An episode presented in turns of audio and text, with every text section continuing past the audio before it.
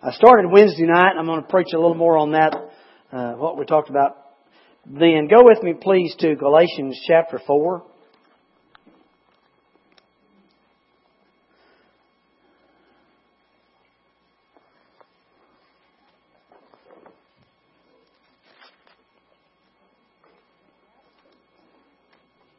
We're going to talk about believing in the finished work of Jesus, what He's done for you, how solid that is, how, how, how unchangeable what He has done for us is. And the positions, I mean, how many of you realize there's a world that you, you and I cannot see with our eyes? Okay? That world created this world. The spirit realm created the natural realm.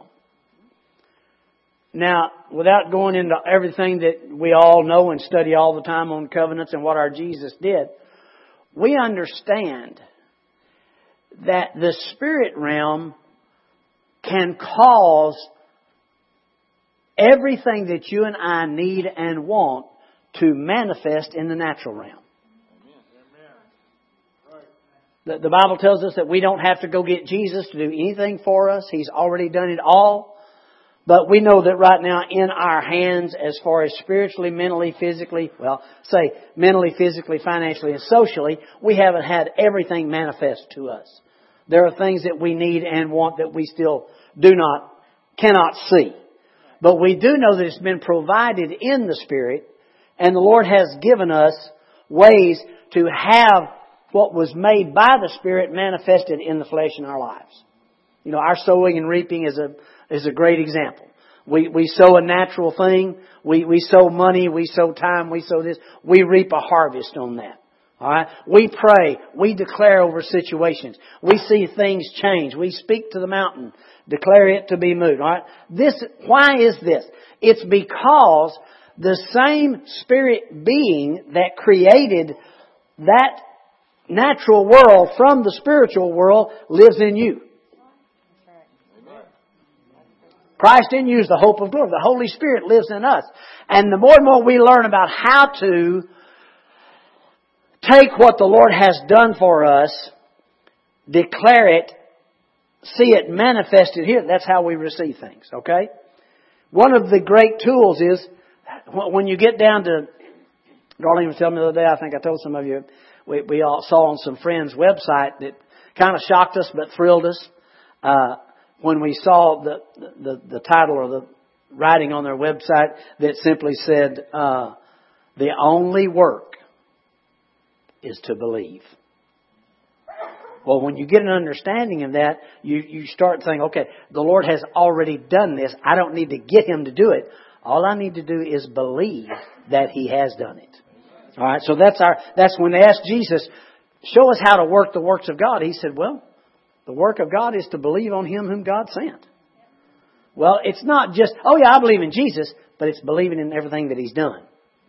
Right? So that that's that's what we do. Well, understanding since the spirit realm created the natural realm, the spirit realm rules. Right? The spirit realm rules. I mean, if if if the natural realm says green is green, and the spirit realm says green is blue, then guess what? Green is really blue. Well, why is, in the natural realm, when we say green is green? Because we see it with our eyes. Or, or we touch it, or we hand, or, or whatever. The spirit realm, our God is notorious for calling things that be not as though they were. If he wants a change of anything, he just says it. That's what he's placed in, in me and you, okay? So I want to just, let's just all agree on the fact what God says goes, right? If he says that's the way it is, that's the way it is. Those three weak amens. If he says that's the way it is, that's the way it is. If he says you're loved and you don't feel loved, you're loved. If he says you're victorious and you don't act victorious, you're victorious. If he says you're forgiven and you don't feel forgiven, forgiven. forgiven. Settle it. Psalm, what, one, uh, Psalm 119, 89, Your word is forever settled in heaven. What does that mean? What he says goes. You say, well, this is just such a small little exercise. Guys, this is so important. Getting to the place where you say, you know, I got to get by what I feel and what I think and just agree with what he says. That's where faith is. Faith is not in you building up something. Faith is not in you achieving something. Faith is not achieved. Faith is received. You can do everything to achieve faith that you want to, but if you don't get a revelation from God, that faith will never work. And if it try to work it, it'll just be a natural faith. Come on now. I can prove it to you. I am crucified with Christ. Nevertheless, I live. Yet not I, but Christ lives in me. And the life that I now live in the flesh, I live by the faith of the Son of God who loved me and gave himself for me. Whose faith is it? It's His. We call it ours. He lets us use it. It's His. It comes from Him. How do we know that? Faith comes by hearing the report about Jesus. All right? So that's where faith is. So just relax and enjoy this morning because I'm going to tell you how good you are. How special you are. Amen? I know Sammy's family thinks she is so special. I hear that all the time. Hear all the time how special you are. Amen. All right. Galatians chapter 4. Did you find it? All right. New Living Translation, please. Oh, and start with verse 1. We'll just read the whole Bible. Come on. No, that's just. All right. Think of it this way. If a father dies and leaves an inheritance for his young children, those children are not much better off than slaves until they grow up, even though they are actually own everything their father had. They have to obey their guardians until they reach whatever age their father set.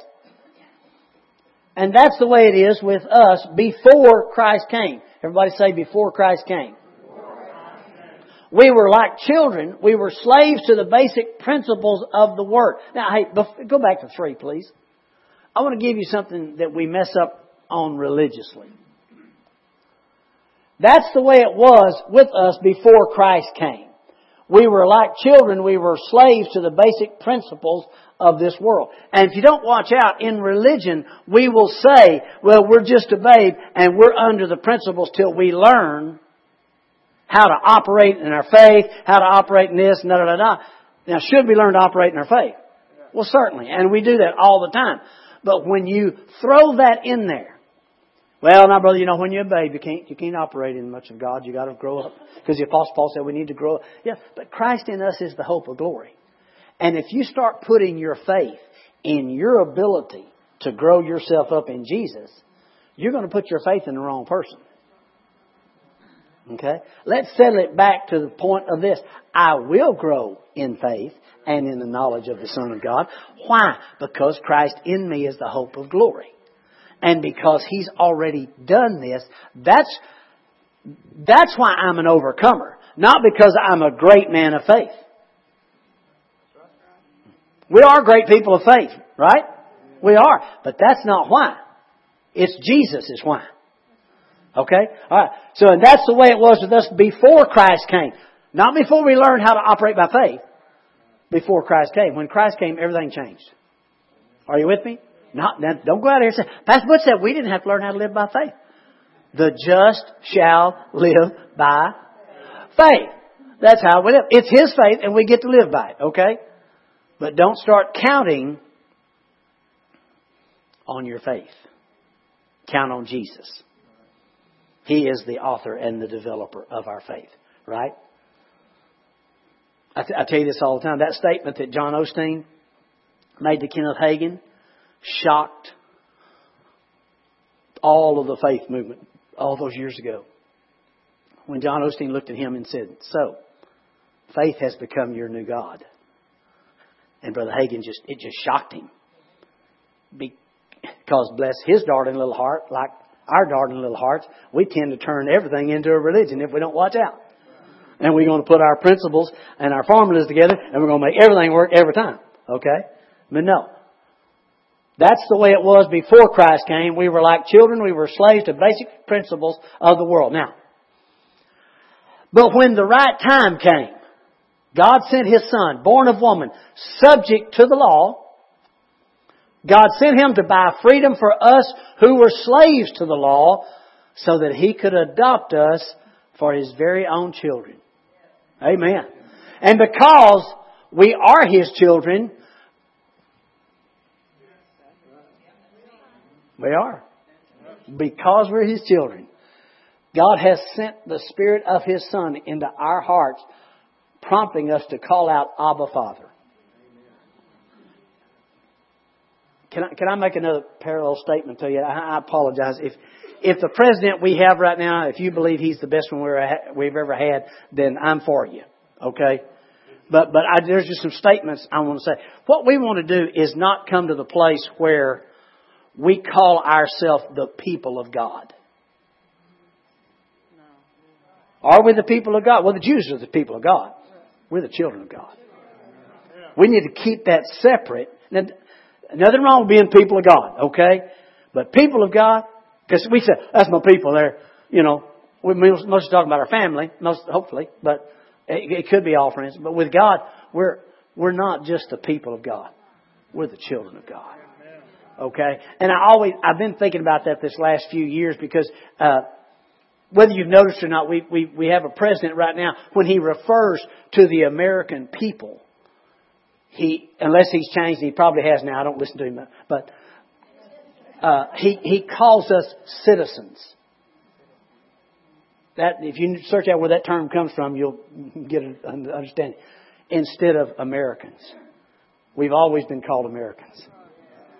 We are Americans. We're, it's based on the principles. Okay? So I, I like the, the term citizens is a good term. Okay? But I'm an American. Okay? Well, the term people of God is wonderful. A child of God is better. Amen. You have been made. You weren't made a child of God because of what you did. You're made a child of God because of what He did. Amen. Okay. Well, I'll get off my soapbox. I'll show this. Okay. Is that verse, what, what verse are we on? Six. Let's do seven. Now, you are no longer a slave, but God's own child. And since you are His child, God has made you His heir. Okay? Why? Because you do everything right? No, because you're His child. He made you that. That is the sureness and the pureness of the finished work of Jesus.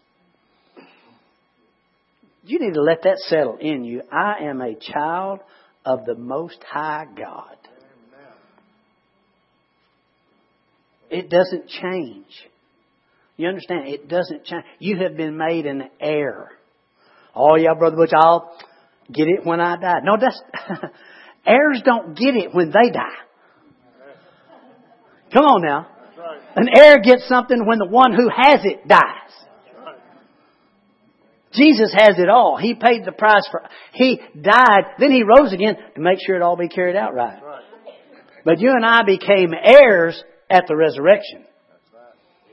Right? You and I became, because He paid the, okay. I gotta hurry. Y'all quit now. Okay. Get Wednesday night CD so I can skip this page right here. Okay? Uh, we, we talked about trusting the Lord with all of our heart, taking no anxious thought, casting all care. Why do we do that? Because He said, I will take care of you. You say, yeah, but, yeah, but I, but I have to handle details. I know. I know. I try to, oh man, I be thinking details. I be thinking what I have to do and what I need to do and how I can help God get this to me and how I can fix this so He can open up the way for this. Trust in the Lord with all your heart and lean not to your own understanding.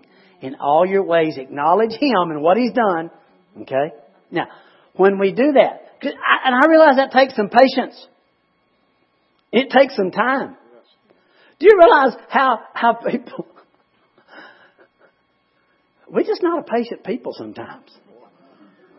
I mean, we want it and we want it now. Right? I mean, I was laughing the other day. Again, I am not a very political person, but I was laughing at them on this filibuster thing they're talking about. And I said, well, then basically what's the filibuster for?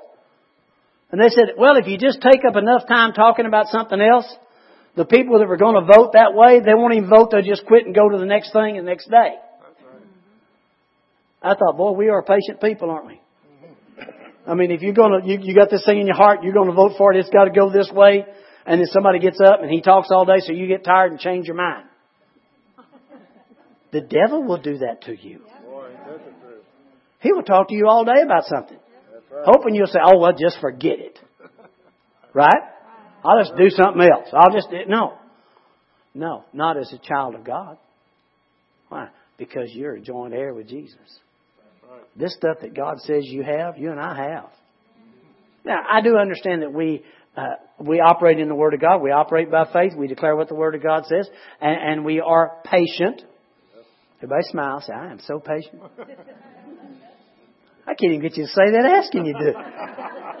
I am such a patient person.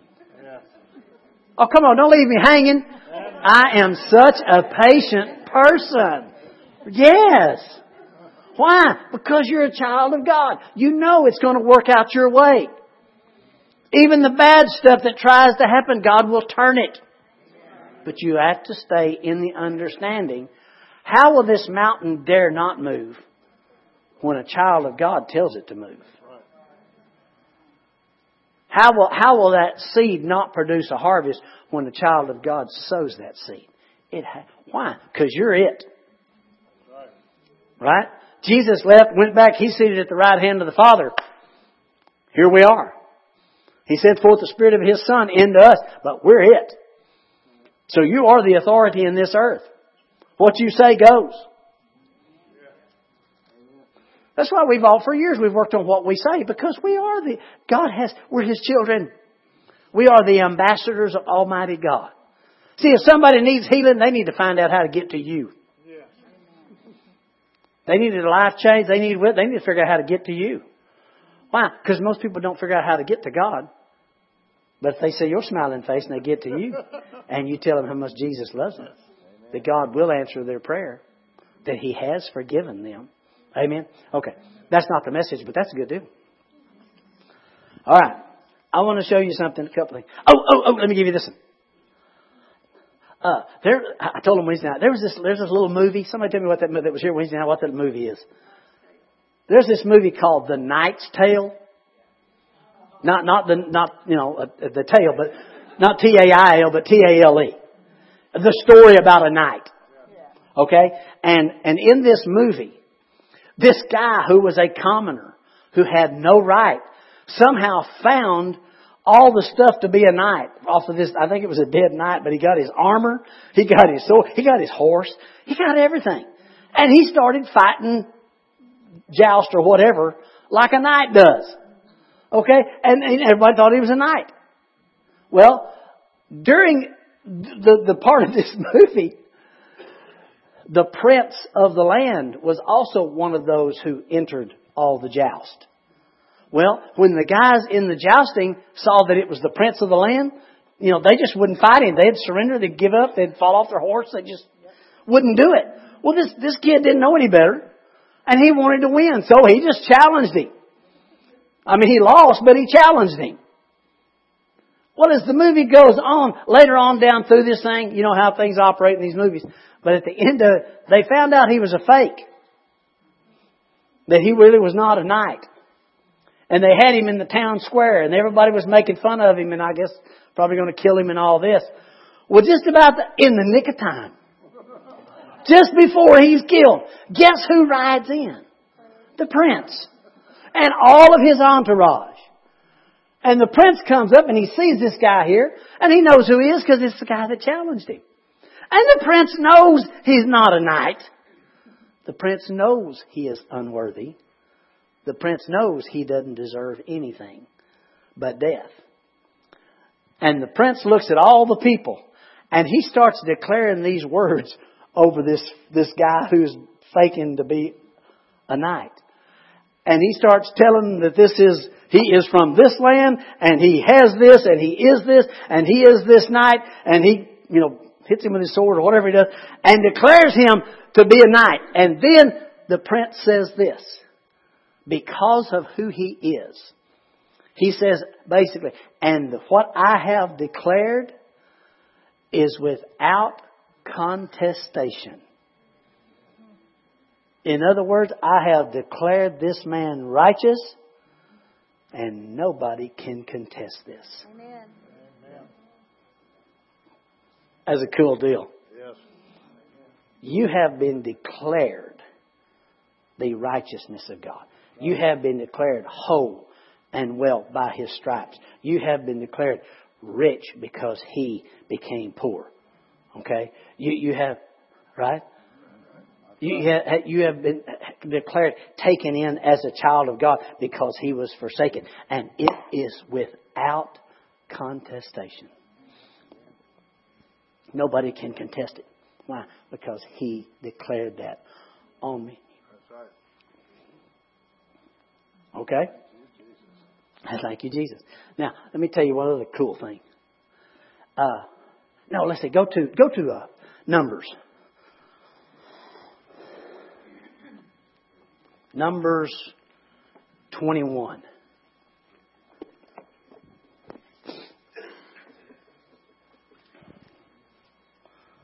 See, part of remembering and realizing who you are, the big part, is recognizing who Jesus is and what He's done for you. Right? Here's, here's the key in that little movie.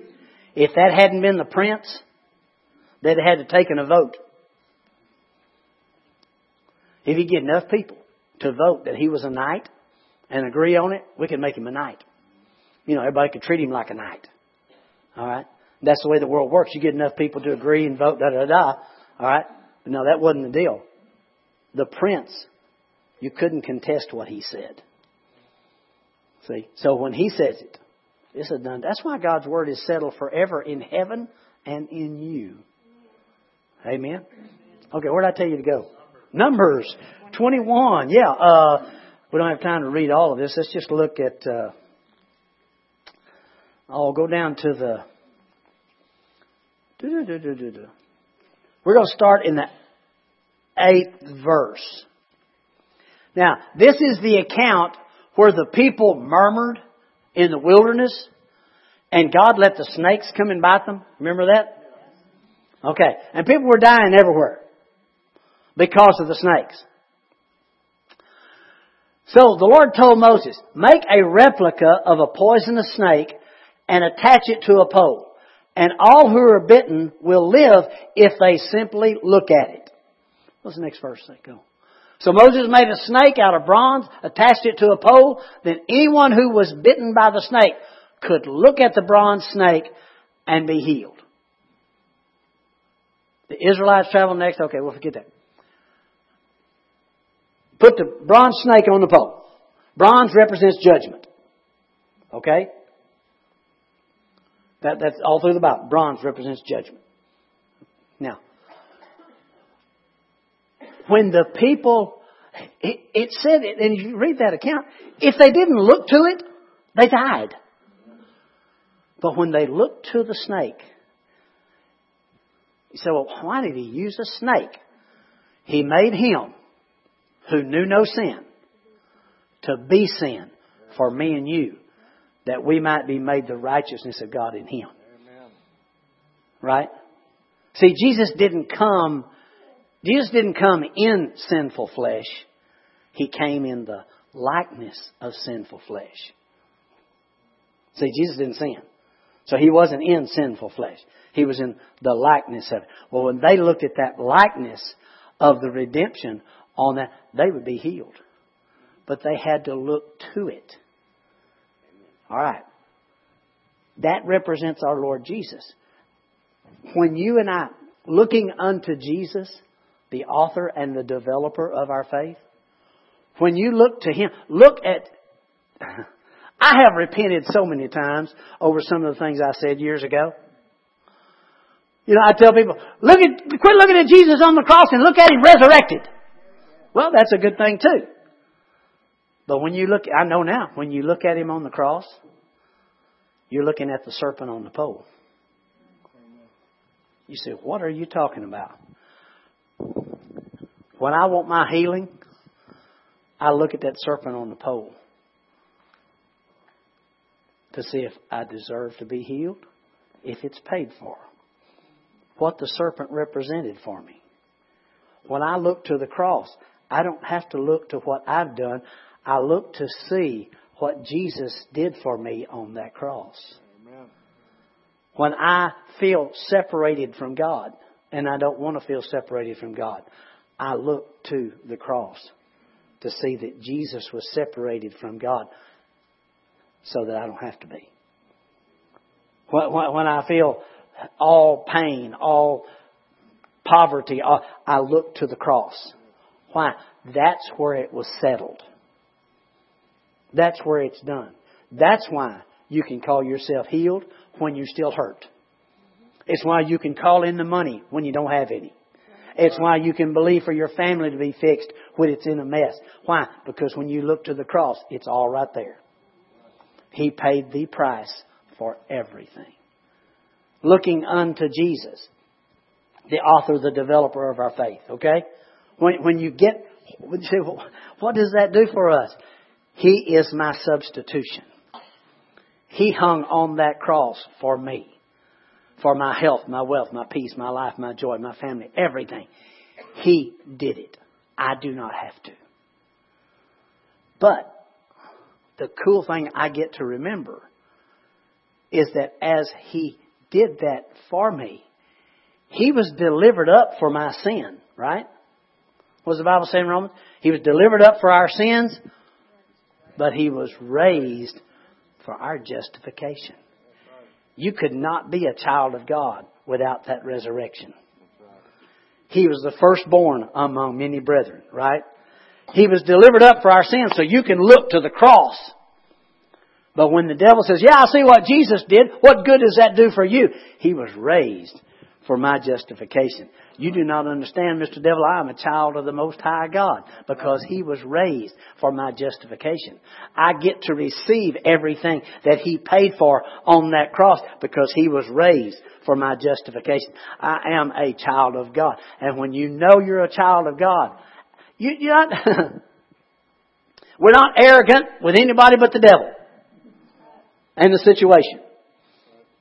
How dare you try to attack my body in Jesus' name? How dare you try to touch my money, my family, my whatever? Why? we were slaves to the law. Even though we, the, mankind could have been heir, we were slaves to that till Jesus came. And now you're a child of God. Why are you a child of God? Because He declared you a child of God.